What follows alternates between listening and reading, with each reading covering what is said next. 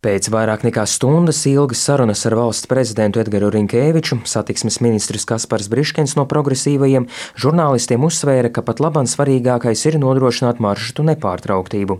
Tagad vilcienus apritē atgriež pēc jaunas metodes. Vispirms novērš defektus, tad veids dinamiskās pārbaudes, nobraucot simtiem kilometru, un tikai tad tos pakāpeniski ievieš satiksmē.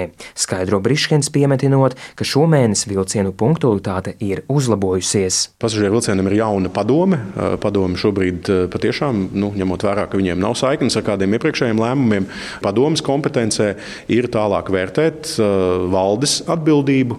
Paralēli, protams, par to mēs arī informējām prezidentu, ir uzsākts šis jau ilgtermiņa procesu izpētes audits, ir izveidota darba grupa, tiek jau finalizēts šis kopējais darba uzdevums, un tad kopā ar ārēju pakalpojumu sniedzēju tiks veikts visa procesa audits, sākot no šī eh, vilciena iepirkuma pašiem pirmsākumiem. Un jūs amatā paliksiet? Es domāju, ka man ir tik daudz eh, darba priekšā, kad ir jāturpina šobrīd uzsāktais darbs visās jomās.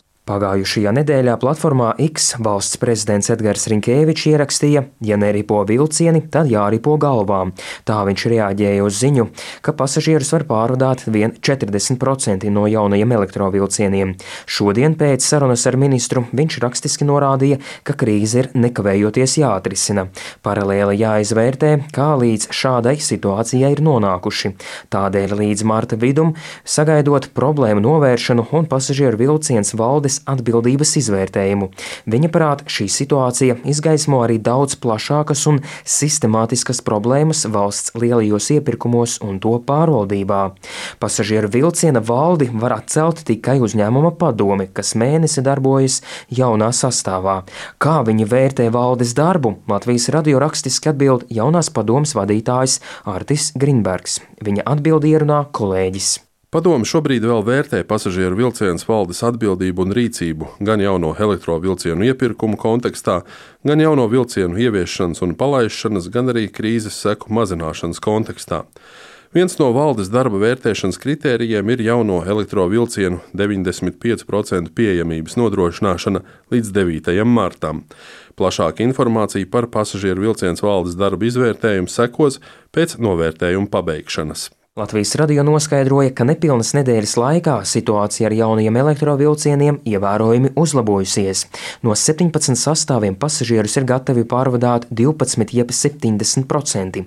Atlikušos piecus sastāvus dinamiski pārbauda, pauž uzņēmuma pārstāvis Edgars Butāns, norādot, ka visiem sastāviem ierindā jābūt līdz mārta vidum. Mūsu atbildība ir eh, nodrošināt eh, tiešām pasažieriem uzticamu šo pakalpojumu. Līdz ar to arī es teiktu, tas ir mūsu pienākums dubultā pārliecināties, vai attiecīgi tiem vilcieniem, kuriem šie defekti ir novērsti, vai viņi tiešām ir uzticami un šie defekti neatkārtojas. Vai uh, marta pirmajā dekādē visus 17 sastāvus nevarētu jau palaist? Tas būs atkarīgs, protams, no tā, kā šiem atlikušajiem pieciem sastāviem ies uh, dinamiskajās pārbaudēs. Bet sanāk pat laban, Škoda savu solījumu pilda, ja viņi ir nodevuši visus.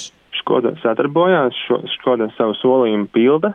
Un uh, pašlaik, kā jau minēju, defekti no Škodas puses ir novērsti visiem līdz šim piegādātājiem uh, vilcieniem. Attiecīgi visiem 17 elektrovilcieniem šie defekti ir novērsti. Plašāka informācija par jaunajiem elektrovilcieniem gaidāma 8. martā, kad atbildīgie taisās rīkot preses konferenci. Viktors Demidovs, Latvijas radio.